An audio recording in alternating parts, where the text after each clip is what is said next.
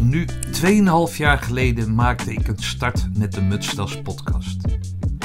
Het optekenen van een levensverhaal is een momentopname. Ruim 100 podcasts verder ben ik benieuwd hoe het sommige geïnterviewden is vergaan.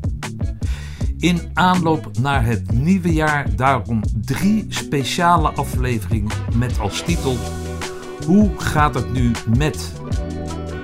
In aflevering 1 wordt deze vraag beantwoord door dienstplichtig commandocorporaal Jaap Medendorp van lichting 764, commandokaptein buitendienst Onno van Boven 981 en dienstplichtig commando Frank van Hellemond van lichting 834.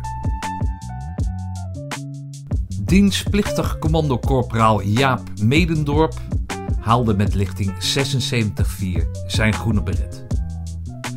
In de podcast die ik met Jaap mocht maken, vertelde hij over zijn posttraumatische stressstoornis. Hij liep dit op bij zijn werk als politieman. Hoe gaat het nu met Jaap? Ten tijde van de podcast. Toen was je, daarvoor was je aan het afbouwen qua medicatie. Ja. Ehm, en eh, na de podcast begreep ik dat dat niet goed, eh, nou, dat dat niet goed ging. Kan je me eens vertellen wat er sinds de podcast is gebeurd met het, hetgeen waar jij eh, last van hebt? Ja, ik, ehm, ik heb natuurlijk na de podcast ben ik toch weer aan de medicijnen gegaan. Ook op mijn eigen verzoek, maar ook in overleg met de arts. Um, ik gebruik een antidepressiva. Uh, dat uh, maakte toch dat ik wat rustiger werd in mijn hoofd. Maar ik had wel nog um, dromen die mij parten speelden. Maar doordat ik uh, wat rustiger was in mijn hoofd, kon ik dat beter een plek geven, zeg maar. En doordat ik het een beter een plek kon geven en ik ja, dan moet je ook alles een beetje mee hebben. Dan moet je de wind een beetje mee hebben. En in je relatie moet het allemaal goed gaan. En uh, er moeten geen vreemde dingen gebeuren. Toen kon ik het nog wel heel lang, kon ik het op die manier ook wel rekken eigenlijk. En dan had ik ook nog wel nachten dat ik wel zes, zeven uur sliep. En uh, nou, dat was op zich wel prettig. Um, ik ging veel uh, dingetjes doen hier in en om huis. Ik heb allerlei uh, ja, klusjes gedaan, ook nog wel voor anderen. Ik deed nog wat vrijwilligerswerk. En dat maakte toch dat ik uh, afleiding had. Maar ik moet heel eerlijk zeggen dat die afleiding was tegelijkertijd ook um, een kwestie van je gedachten verzetten en niet hoeven te denken aan datgene waar je dus last van hebt. En dat maakt dan ook dat dat uh, over het algemeen um, ja, een beetje verdringen van de, van de zaken is. Um, op een of andere manier kreeg ik een beetje een knauw toen ze mij uh, niet bij de ja, niet als vrijwilliger meer nodig hadden. Um, ja, ik had nou, geen stand bijgemaakt, maar ik had. Uh, nou, ik was wat kritisch op uh, de begeleider. Want ik vond, ja, als je jongens begeleidt die uh, een achterstand hebben of um, criminele achtergrond of um, ja, verslaafd zijn geweest, uh, dan moet je daar wel steeds voor zijn. Dan moet je ook in gesprek gaan enzovoort. En ik vond eigenlijk dat hij te veel met zichzelf bezig was. En uh, ja, daar heb ik toen wat van gezegd. En uh, op een bepaald moment was ik drie weken of zo, had ik, had ik een, een ja, griep. Het was geen corona toen. En toen zei ik van nou, ik, ik wil dinsdag wel weer terugkomen. Nou, ik, ja, ik vind het eigenlijk niet zo'n goed idee, kreeg ik per app terug. Want ehm, ja, jij bent, uh, ja, ik moet jou steeds een beetje aansturen. En ja, ik, je bent voor mij uh, een beetje te, te moeilijk in dit geval. Daar kwam het dan op neer. Dus uh, nou, als ik nog een keer een project heb, dan bel ik je wel. Nou ja, toen zei ik, ik vind het heel jammer dat je op deze manier afzet van mijn een per app. Dus, um, maar dan vind ik het ook wel prima. Dat gaf mij ook een knauw. Nou, die oorlog in Oekraïne ik kreeg daar beelden van die ik uh, van lijkenzak enzovoort, die ik ook nog wel weer herkende. En ehm, ja, dat, dat deed mij geen goed. En ehm, eind vorig jaar. Uh, nee, was niet eind vorig jaar, was begin dit jaar alweer. Uh, ja, toen, toen ja, op een of andere manier liep het toch weer over. En ik werd hier thuis uh, wat onhandelbaar.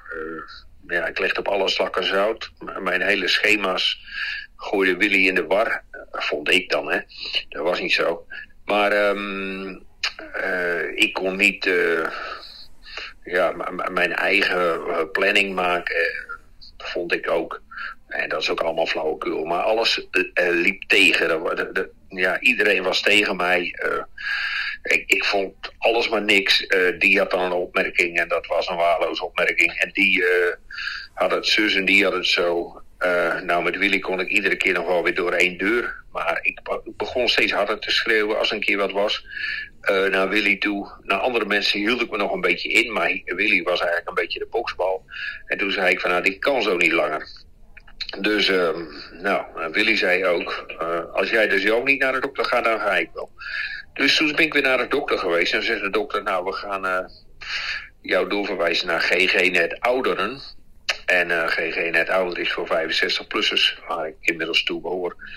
En um, ja, daar kwam ik bij een psychologe en daarna bij een psychiater. En uh, die psychiater zegt, ik wil met jou aan de slag qua medicijnen, maar dan moet eerst alles weg. En uh, al die traumatische ervaringen die je steeds maar weer terugkrijgt, die, die uh, moeten we kwijt zien te raken. Dus ik stuur je terug naar de psychologe. En um, ja, die gaat met jou aan de slag. Nou, die vond EMDR een heel goed plan. En tegelijkertijd kreeg ik een een soort we kregen, een thuisbegeleiding. Want Willy had ook aan de bel getrokken.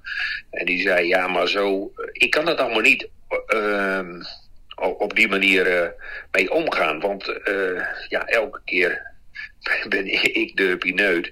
En um, ja, hoe, hoe moet ik ermee omgaan? Nou, toen kregen we thuisbegeleiding. Eén keer in de week kwam er iemand en uh, ja, dat is heel simpel. Het is net een verkeerslicht. Of um, dat kan ook. Je kunt met verkeerslichten werken. Waar sta je? Op groen, op oranje of op, op rood. Nou, uh, zij werkt uh, zowel met verkeerslicht als met pannetjes. pannetje 1 is gewoon een zit water in, het is klaar. Pannetje 2, nou, daar gaat het beginnen met een beetje warm te worden. Pannetje 3 begint al te bobbelen. Pannetje uh, wat zei ik nou, pannetje 3 of pannetje 4, maakt niet uit. Maar um, nou, die, die begint echt te borrelen. En pannetje 4 die kookt over, zeg maar. En nou ja, in welk pannetje zit je dan? Want dat is ook wel belangrijk om te weten. En als de een dat weet van jou, dan, kijk als Willy het weet en die zegt van hé, hey, luister eens even, jij zit daar of daar. En um, ja, ik, ik sta daar open voor, dan kunnen we daar samen wat aan doen. Nou, en dat uh, hielp ook heel erg. Elke vrijdag, nadat ik bij de psycholoog was geweest, uh, kwamen die dames. Um, en uh, ja, die kwamen een uurtje evalueren, maar ook nog eventjes van nou, wanneer zat je daar en hoe zit je daar en hoe voel je dan en hoe moet je dan acteren en... maar dan moet je dan jij zelf dan wel voor openstaan. Ja, ja, daar moet je ook zelf wel voor open ja. zijn, ja. ja, ja. Nee, maar ik kan me voorstellen wat jij toen vertelde, dat, hè, en wat je nu dus eigenlijk ook weer verhaal van doet, is dat het dan bij jou, dat je bemerkt bij jezelf dat je te agressief of in ieder geval in harde bewoordingen of, of luidkeels hè, uh, ageert tegen, tegen Willy, die jou het liefst is natuurlijk. Um, uh, dus ik kan me voorstellen dat dat moeilijk is. Dat je natuurlijk wel, het wel wil, maar dat dat, ja, dat dat beetje haaks op elkaar staat. Ja, maar ik heb jou toen de vorige keer ook een brief laten lezen. Hè? En ja. um, uh, toen gaf ik ook aan, en dat, daar heb ik me steeds aan vastgehouden. Weet je, als ik alleen ben, niks aan de hand, weet je wel. Uh, zou ik alleen op een hutje, in een hutje op de hei wonen, heeft niemand last van mij. Uh, dan word ik ook niet boos. En uh, nou, er is ook niks wat mij min of meer prikkelt. Maar ik, ik heb te maken met iemand waar ik mee getrouwd ben, waar ik van hou. Ik heb kinderen, uh, kleinkinderen. En um, ja, ik vind, dat wil ik, uh, fatsoenlijk, um, een fatsoenlijke uh, man, vader, opa zijn.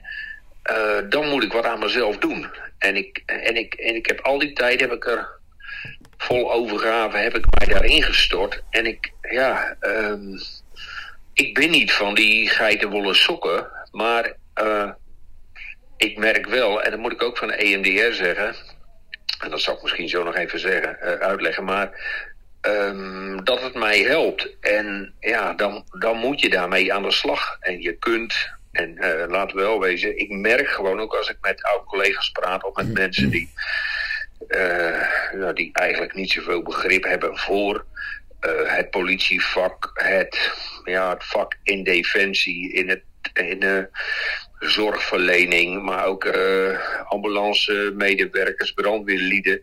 Ja, die denken het is allemaal leuk, uh, ah, lekker spannend beroep, weet je wel. Maar je zal er maar staan met een verkoold lichaam als brandweerman, als ambulancebroeder, als, als politievrouw. En um, nou ja, je gaat naar Afghanistan of naar Mali of, of waar dan ook. En jouw maatje die die rijden met bermbom en uh, die mag je achterlaten. En uh, dat, die dingen die, um, ja, dat, dat een heleboel mensen lopen daar gewoon overheen.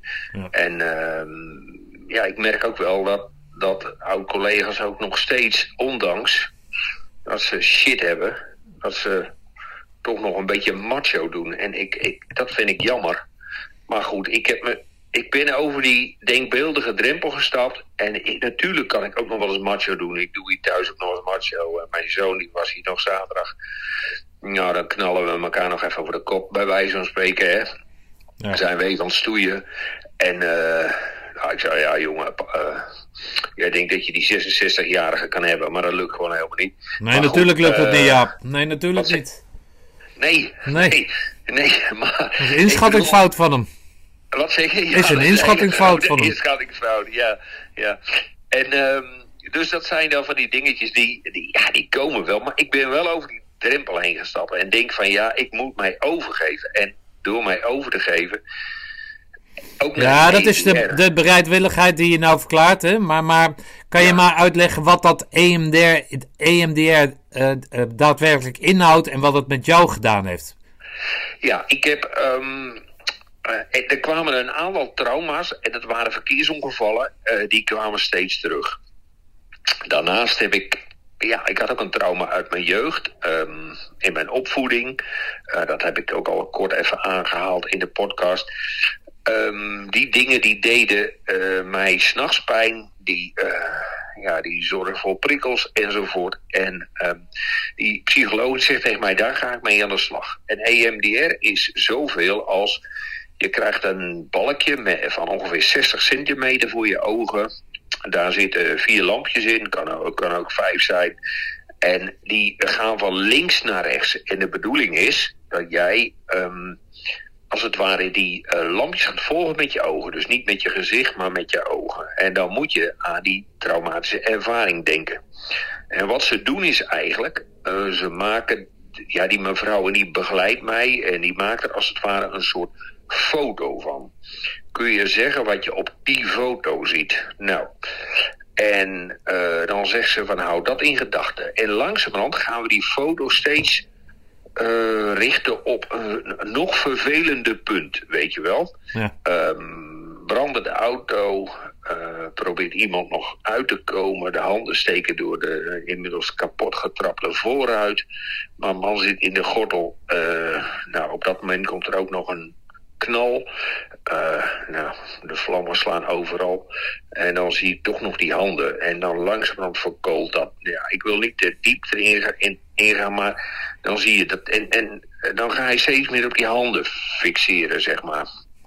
En doordat zij steeds vragen stelt. Um, en ik en ik iets in mijn gedachten moet houden daaromtrent. Uh, en, die, en dat lampje moet gaan volgen, lijkt het net, ja, uh, vergeet mij het woord. Maar ik geloof eigenlijk helemaal niet in mindfucking. Maar ik zeg, potverdorie. Ik zeg, dan ben ik er toch ingetrapt. Het lijkt wel mindfucking. Ik zeg, oh, want het is net of ik, of ik zo geconcentreerd op die lampjes ben. Dat dat naar de achtergrond vervaagt. En zo gaat dat ook. En ik heb voor die sessie heb ik twee keer nodig gehad. De volgende sessie was ook een zwaar verkeersongeval. Twee keer nodig gehad. En mijn jeugd um, twee keer nodig gehad. Dus ik heb inmiddels zes keer EMDR gehad. En uh, ja, het vervaagt van, nou, als je dat pijn wil noemen, van een, nou, je mag het rustig een 10 noemen, omdat het iedere keer in je dromen, in je nachtmerries terugkomt, vervaagt het naar een, ja, naar een 1, naar een 2, zeg oh, maar. Oké. Ja, het is zelfs zo, ik heb, een, ik heb plakboeken van de politie en daar staan uh, nare ongevallen in. En ja, ik had het gehad. Ik was ook bij de psychiater geweest vorige week. En ik zat dus in die plakboeken te bladeren. Toen bladerde ik door. En daar heb ik vier, vijf bladzijden doorgemaakt. Toen dacht ik, nee, ik ga toch terug kijken hoe ik... Ik bladerde dat altijd door. Ik keek er nooit naar. Hoe ik dat nou beleef. En op een of andere manier zeg ik tegen Willem, kijken. Ik zeg... Ja, eh, ik zeg, hier zie je alleen maar de foto van het ongeval. Je ziet geen slachtoffers. Ik zeg, maar dat was een heel pittig ongeval. En ik kon erover praten. En ik heb niet te veel details verteld. En vervolgens heb ik er ook geen last van gehad. En op een of andere manier is dat, um, ja, uh, de psychiater zegt, er zit een lijntje tussen um, uh, je hersenhelft, als het ware. Het ene hersenhelft die herinnert zich dat, en die andere hersenhelft die zegt, hé, hey, ja, ik vind het heel vervelend. En dat ja. lijntje is min of meer een beetje doorgebroken door die EMDR. Mooi man. Maar ik, ik heb een vriend, hè, wat ik voor jou vertelde, die uh, ook EMDR heeft gevolgd. En die verwoorden het um, als dat hij, zeg maar, als een buitenstaander naar zichzelf kon kijken. Of naar, naar dat, dat, nou ja, dat, dat vervelende incident wat, wat hem dus elke keer dwars had. Nou ja, is dat een dat, beetje... dat, is heel goed, dat is heel goed geformuleerd, ja. Ik kan niet beter formuleren. Nee, dat is heel goed geformuleerd. Als, als het gaat over mijn jeugd. Um, heeft met mijn ouders te maken. Ik kijk daar nu heel neutraal tegenaan. En denk van, nou, het zal wel. Hm. Um, afgelopen weekend hadden we een familiebijeenkomst, altijd voor de kerst. Ik heb afgezegd. Ik zeg, nou, ik wil nou, die combinatie. Um, familie, heleboel bij elkaar. Ik zeg, prikkels.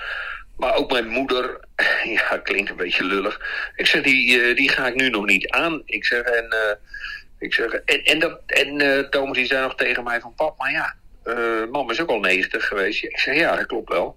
Ik zeg, maar, um, ik zeg, het is niet anders. Ik zeg, ik kijk daar tegenaan alsof ik vind dat, ja, dat, dat het een feestje is. En daar gaat iedereen helemaal naartoe. Maar ik voel daar niks bij. En zo, en, en dat zegt jouw vriend heel goed eigenlijk. Ik sta er als een buitenstaander naar te kijken. En dan denk ik, ja, wat, wat moet ik als buitenstaander daar doen? Nou ja. ja, beter kan je het niet vertellen hoor. Hij heeft dat heel goed geformuleerd. Okay.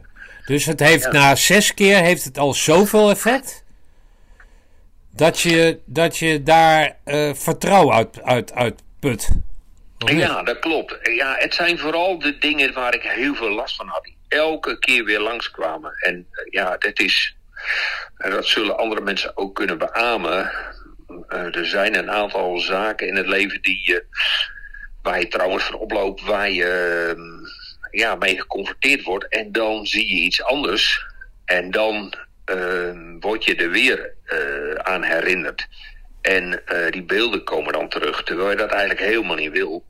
En um, ja, de twee ergste verkeersongevallen die, um, ja, die ik steeds terugkreeg, die hebben we behandeld. En mijn jeugd behandeld. En ja, ik, ik, natuurlijk zullen er nog dingetjes zijn, maar uh, zij zeggen ook, de psychologen en de psychiater, van ja, uh, het kan best zo zijn dat er dat je, dat je weer even bijgespijkerd moet worden, weet je wel. Dat er toch nog iets langskomt omdat er een, een, een gelegenheid zich voordoet waarvan je denkt, oh jee, dat heb ik ook meegemaakt, man, shit.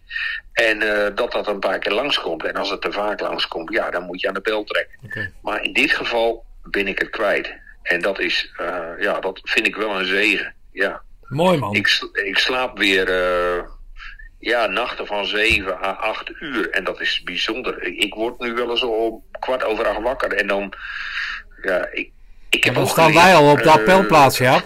Ja, dat, dat ik mijn tijd beter in moet delen. En niet denken van nou, Oh, ik heb vandaag 7 uur opstaan tot 11 uur vanavond. Dat is 16 uur. Hoe zal ik dat het beste indelen, weet je wel? Dat ik het even effectief doe. Dat is flauwekul natuurlijk op mijn leeftijd, Ja. hè? Ja, lijkt mij ook. Ja, Hé, maar dat is goed eh, te horen, Jaap. Maar dan, dan betekent dat dus dat, jij, dat er een nieuwe wereld voor je is opengegaan. Ja, dat is echt. Ja, dat is echt. En ehm, ja, er zijn wat mensen die daarin ondersteuning hebben gegeven. Nou ja, denk maar aan Willy, aan mijn kinderen, kleinkinderen. Maar Theo en Rieke zijn ook nog langs geweest afgelopen zomer. En eh, ja, dat zijn wel dingen die mij steunen, weet je wel. Eh, jij hebt belangstelling getoond, maar zo zijn er hier en daar ook wat collega's. En die, ja, die steken even je een hart onder de riem, dan kun je je verhaal even kwijt. En wat ook zo is, is... Maar ja, je weet dat ik, ik ben aan jou ook openhartig, maar ik, ik word ook steeds openhartiger. Het valt me wel eens op dat mensen zeggen van... ah, daar praten ze ergens over. En dan, eh, oh, ik zeg, dat herken ik wel. En waarom herken je dat dan? Ik zeg, nou, en dan denk ik, ja, dan, dan huiver ik een beetje om het wel te vertellen. Maar ja, dan denk ik, goh, en als ik het vertelde heb, dan voel ik me heel erg bevrijd. Dan voel ik ook, denk van ja, ach, ik ben er eerlijk over. Waarom zal ik eh me stoerder voor moeten doen dan dat ik ben? Eh, want dat is natuurlijk flauwekul. Nou, mooi, Jaap. ja, Ja. ja. Nou, dat is ja. toch een mooi verhaal? Ja, ja. Het is ook een beetje een succesverhaal. Het is ook wel een Maar ik beetje een Ik ben er wel succesverhaal, blij om, want eh, ik heb natuurlijk al, al jaren daarmee zitten kloten. En eh, ja, nu, nu, nu heb ik echt het gevoel dat ik weer een beetje ja, deel uitmaak van de wereld, zeg maar. Ja. Samen met zijn vriend en zakelijk partner Ray Klaasens stond hij aan de basis van de Commando and Family Foundation, CFF. In de Mutstas podcast mocht ik het levensverhaal van deze oud-commandokapitein buiten dienst, Onno van Boven vastleggen. Daarin vertelde hij ook over het hoe en waarom van de CFF. Wat is er sindsdien gebeurd en wat zijn de verdere plannen van de CFF? na de podcast eh, zijn we natuurlijk onverstoord verder gegaan. Eh, ik moet zeggen dat er in die, eh, in die tijd behoorlijk veel gebeurd is. We zijn aanzienlijk gegroeid. En ehm, ja, hebben daarmee ook voor veel meer mensen en gezinnen iets kunnen betekenen. Ehm, en daar ben ik wel heel erg blij mee. En dat is eh, mede dankzij eh, eh, ja, allerlei initiatieven die van, van buiten de stichting, bij wijze van spreken, gekomen zijn onverwachts, leuk, creatief. Ehm, en dan zie je eigenlijk hoe groot die commandogemeenschap is en hoe warm. Kan je eens wat vertellen over, ehm, over een van die acties dan, die jou zeg maar qua creativiteit en inventiviteit eh verraste? Nou, ehm, als voorbeeld, er is een boksgala georganiseerd. Eh, initieel door twee eh, oud-commando's en eh, later hebben we daar als stichting wel een iets grotere rol in de organisatie ook genomen. Ehm, wat eigenlijk geleid heeft tot, tot een hartstikke mooi sportevenement. Ehm, waarin, en dat was eigenlijk een beetje een, een, mooie neven... Het was eigenlijk bedoeld om geld op te halen. En natuurlijk om mensen een leuke avond te bieden. Ehm, uiteindelijk bleek dat het eigenlijk met name de, de dag of de avond zo succesvol was. Omdat we heel veel mensen bij elkaar hebben gebracht. Die echt wel op zoek waren om weer even bij elkaar te komen. En de boksgala als een mooie aanleiding hebben ge- gebruikt. Eh, waarin ook een heel aantal oud-commandos trouwens gebokst hebben. eh, wat heel gaaf was om te zien. Ook tegen elkaar. En ehm, het was gewoon een avond van verbroedering. In plaats van dat het een, eh, een ordinaire fundraiser is. En dat, eh, nou, dat vond ik een hele mooie verrassing. Ehm, meer praktisch gezien, eh, we hebben de, eh, iemand die, Patrick Walthuis, die de koffie, die een koffiemerk is begonnen. En dat eigenlijk volledig heeft opgezet ten gunste van de stichting. En dat uiteindelijk ook heeft overgedragen aan de stichting. Ja, dan denk ik, hoe ruimhartig kunnen mensen zijn om zo hun tijd en energie en geld te stoppen om eh, ja, uiteindelijk dingen te creëren waar je op een duurzame manier als stichting ook plezier van hebt. Het is merkversterkend, het is iets wat je doorlopend kunt blijven bestellen, het is hartstikke lekker. Ehm, het past prachtig bij de merchandising kant van de stichting. Hè, omdat we met kleding en, en wat losse producten daar ook koffie aan kunnen toevoegen. Dus er zijn echt wel op veel verschillende vlakken initiatieven ondernomen om ja, iets voor ons te betekenen. Oké. Oh, die, eh, die merchandising, die, uh, hoe heet dat, die je uh, net aanhaalde. Ik word daar veelvuldig komt die tegen op de socials.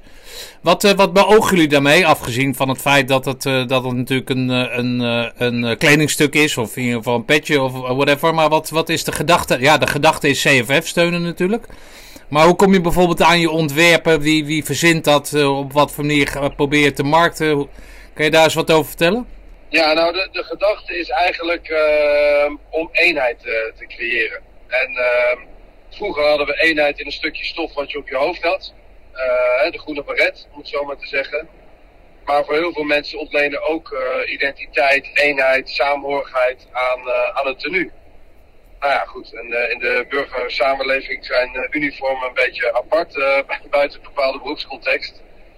Maar een kledingmerk uh, gezamenlijk dragen, uh, met name als daar zo'n mooi goed doel aan hangt. Dus aan elke euro die eraan wordt verdiend, uh, die gaat ook daadwerkelijk naar, naar een gezin die het nodig heeft. Ehm, creëert weer een heel ander niveau van, van samenhorigheid wat je, wat je kunt hebben met het dragen van een merk. Dus uh, bepaalde sporters hebben misschien de, de Adidas-lopers zullen bij de hardloopwedstrijd ook even naar elkaar schoenen kijken en vragen waarom ze die schoenen allebei zo lekker vinden. En wij hebben eigenlijk geprobeerd om daar een kledingmerk aan te hangen wat, dichter bij onze identiteit zit. En waarvan we hopen dat ja, dat een beetje zo begint uit te spreiden en veel mensen zich ermee kunnen identificeren. En het ook gaaf vinden om te dragen, want het is niet een t-shirt met alleen maar een naampje erop. Uh, het is echt wel een op zichzelf staand kledingmerk waarvan we hopen dat mensen het tof vinden. Dus we doen ook met de ontwerpen ons best om uh, gave kleding van te maken. Ja. Uh, en die ontwerpen die, nou, die, die liggen bij mijn vrouw Melanie bijvoorbeeld, maar bij Marjolein van Loenen die vast ook met Danger Coach is betrokken. Ehm, initiatieven, ideeën van anderen, van ja, klanten wil ik het niet noemen, van afnemers die, die zeggen hey, je moet, je moet zou je niet dit is, of die kleur willen proberen. Um, en ik ben er zelf ook nou uh, mee betrokken. Okay. Wat zijn, de, even afsluitend, de, de, plannen voor, de, voor de, de, alles rondom CFF? Heb je daar nog uh, vast omlijnen dingen in de agenda staan voor de komende tijd? Nou ja, we willen wat meer gestructureerd uh, kijken naar evenementen.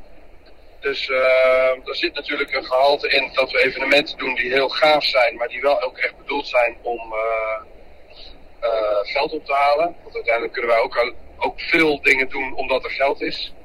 Uh, dus daar zullen we één keer per jaar uh, iets aan doen. En voor de rest gaan we kijken om we, of we wat kleinschaliger kunnen uh, partijen, mensen bij elkaar kunnen brengen. Dan moet je denken aan de groottes van een lichting, de groottes van bepaalde uitzendingen.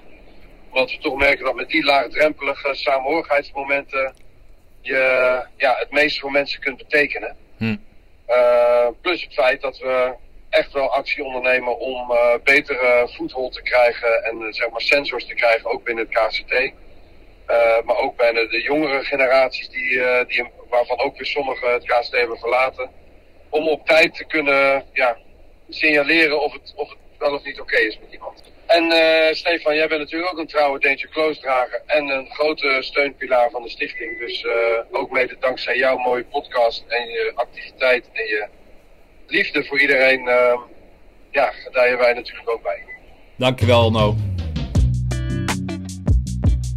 Ondanks dat we elkaar al lang uit het Utrechtse kenden, wisten we niet van ons gezamenlijke Roosendaalse verleden.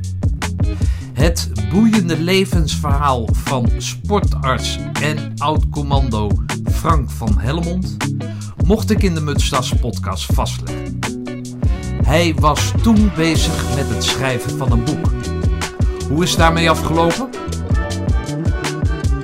Frank, um, ten tijde van ons, uh, het opnemen van onze podcast, of van jouw podcast, waren jullie bezig, of was jij bezig samen met een compaan om een boek te schrijven. Kan je daar eens wat over vertellen? Ja, zeker. Uh, dat was het boek Het Grote Oude Lullenboek. Dat was de titel. En dat was eigenlijk uh, geschreven voor de man van middelbare leeftijd. En de kern van het, van, zeg maar, van, de, van het verhaal, van de boodschap is dat je de tijd zelfs terug kan zetten, dan wel stop kan zetten wat betreft je fysieke gesteldheid, gesteldheid, maar ook je geestelijke ontwikkeling natuurlijk. Hè. Alles doet het goed bij ja, gezonder leven. En dat bestaat dan met name uit meer bewegen, en minder uh, de dingen doen die niet zo goed voor je zijn. Nou ja, en uh, als je daar dan een goede modus in vindt, dan, uh, dan blijkt het dat je nog heel lang heel fit kan zijn en ook ja, hopelijk ook heel gezond. Oké. Okay. Dat is eigenlijk een beetje het idee. Oké, en dat is een succes gebleken, want jij gaat nu door het leven, of zo stel jij voor, als bestseller-auteur. Klopt dat? Nou, weet je, dat is een beetje, ja, dat kan je makkelijk zeggen. Maar om even aan te geven, we hebben natuurlijk gelanceerd, uh, gelanceerd in uh, rondom Vaderdag. En dat was in 2020, geloof ik, uit mijn hoofd. En dat was een goed moment, want uh, dan is het altijd, uh, je moet iets aan je vader geven. En uh, we hoopten natuurlijk dat veel van die vaders ook een beetje een oude lul was, waren geworden. En dat dat ook het moment was om dan toch ook maar weer zo'n tussen aanleiding ludiek cadeau te geven met wel een hele duidelijke boodschap daarin verwerkt, zonder belerend te zijn. Nou, uiteindelijk was dat, nou wat was vaderdag een goed moment. Toen hebben we geloof ik wel een week of 7, 8 in de bestseller top 30 gestaan van Nederland. Dus dat uh, kijken naar alle boeken die verkocht worden. Die worden gerangschikt in een top 50 en wij geloof ik stonden wel acht weken in de top 30. Okay. Dus dat was op zich natuurlijk een goede, goede opsteken. Want dat betekent ook dat je dan uh, genoeg boeken verkoopt. En dat is ook wel gebleken. Uiteindelijk zijn er ook wel meer dan 15.000 uh, van verkocht. Oh, lekker man. En bij 10.000 bij 10.000 wordt er al gesproken van een, uh, een bestseller. Oké, okay, dus in dat genre, als je het meer dan 10.000 verkoopt, mag je uh, een ja. bestseller noemen?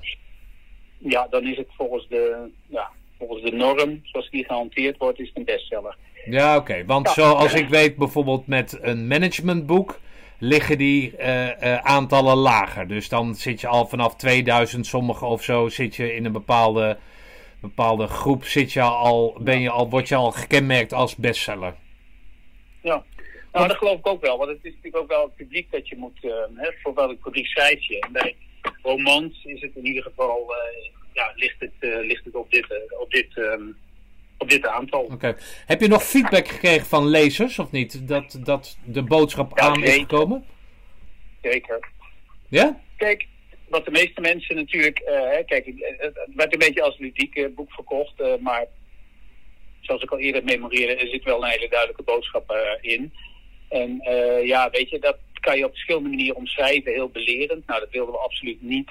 Want je ziet dat veel mensen toch ja, goed worstelen met met bepaalde gewoontes. En daar moeten ze dan uh, mogelijk ook wel van af om het, uh, om het, het leven gezonder te maken. Nou ja, dat is al, je kan zeggen, ja, stop ermee. Maar je kan ook manieren en ideeën aanreiken waarbij het wat, wat makkelijker wordt. Nou, om maar even een voorbeeld te geven. Het gaat ook natuurlijk over het overgewicht, dat in de laatste 50 jaar enorm is toegenomen. Kijk maar naar jouw eigen klas op de lagere school en de middelbare school. Dat waren allemaal mensen zonder overgewicht. En als je dat nu zou zeg maar, bekijken, dan zitten daar al een, een, een gereden aantal uh, leerlingen die er al mee kampen. En dan, als we dan verder kijken in de, in uh, opbouw, dan zie je dat het ook alweer bij 50% van de, van de mannen voorkomt. Hè, overgewicht praten we altijd over als je BMI, dat is, heeft te maken met lengte gewicht, boven de 25 uitkomt. Maar we zien al dat dat heel erg opkruipt uh, naar de 30 en boven de 30 en zelfs nog wel verder. Nou goed, dat is iets wat natuurlijk, uh, ja, dat dragen we met ons mee. en wat kan je eraan doen? Nou, heel veel. En wat wordt eraan gedaan? Heel weinig. En met name kijk ik ook naar de overheid. Ze zijn nu bezig met een suikertax en dat soort dingen uh, in te voeren. Omdat men ziet dat het ook, mensen worden ook gewoon dik gemaakt. Hè, door de producten die verkocht worden en de keuzes die gemaakt worden. Nou ja, daar hebben we het onder andere over in het boek. En, uh, dus dat het, uh, en, en wat je dan even aan kan doen. Hè. Alle diëten worden ook uh, onder de loep en, en tegelijkertijd op de hak genomen. Want het is natuurlijk allemaal, om het maar even zo te zeggen, een kwestie van hoeveel calorieën neem je tot je. En zelfs met een krokettendieet hebben we uitgerekend, waarbij je dus alleen maar kroketten tot je neemt, kan je afvallen.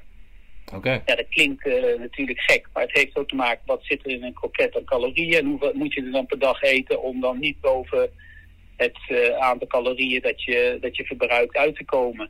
Ja, het is verre van gezond, maar uh, ik wil maar even aangeven dat heel veel van die diëten zijn natuurlijk, uh, die worden op allerlei manieren aan de man gebracht en, en gepromoot. Maar het gaat eigenlijk puur om wat verbruik je en wat neem je Ja, maar krijg je daar... ook wel een... Ja. ja? Nee, krijg je daar dan ook, mensen kopen dat boek, hè, of, dat, of krijgen dat boek, of dat nou ludiek wordt gezien of niet. Maar krijg jij als schrijver, daar ben ik even benieuwd naar, krijg jij dan ook mailtjes, zo van, goh, we hebben die en die les tot ons genomen en we zijn daar en daarmee bezig. Of weet ik veel, het leuren om een compliment of wat dan ook. Maar krijg je sowieso krijg je reacties van lezers? Ja, feedback krijg je met name via het, uh, bijvoorbeeld bol.com. Daar worden een aantal reacties op geschreven. Er zijn natuurlijk ook wel mensen die het boek toegestuurd hebben met het idee van geef er, uh, geef er een reactie op en het helpt als je een recensie uh, schrijft.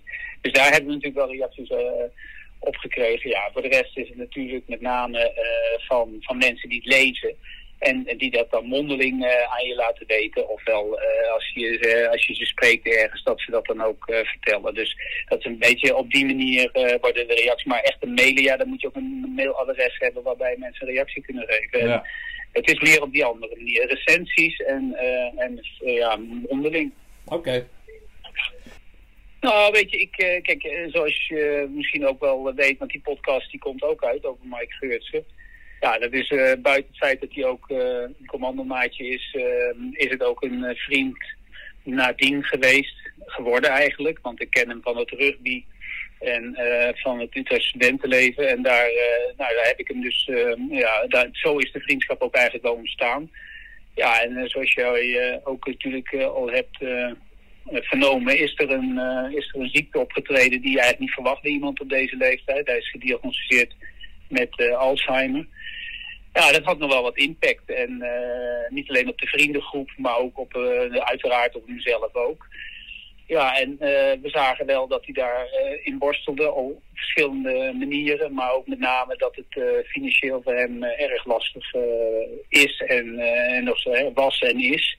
En toen hadden we bedacht dat het misschien aardig zou zijn om hem daarin wat tegemoet te komen. En met nou ja, een rijberaad tussen verschillende groepen. Onder andere oud-commando's en diegenen die in zijn peloton zaten. Maar ook uh, studentenvrienden en rugbyvrienden hebben een uh, stichting uh, opgericht.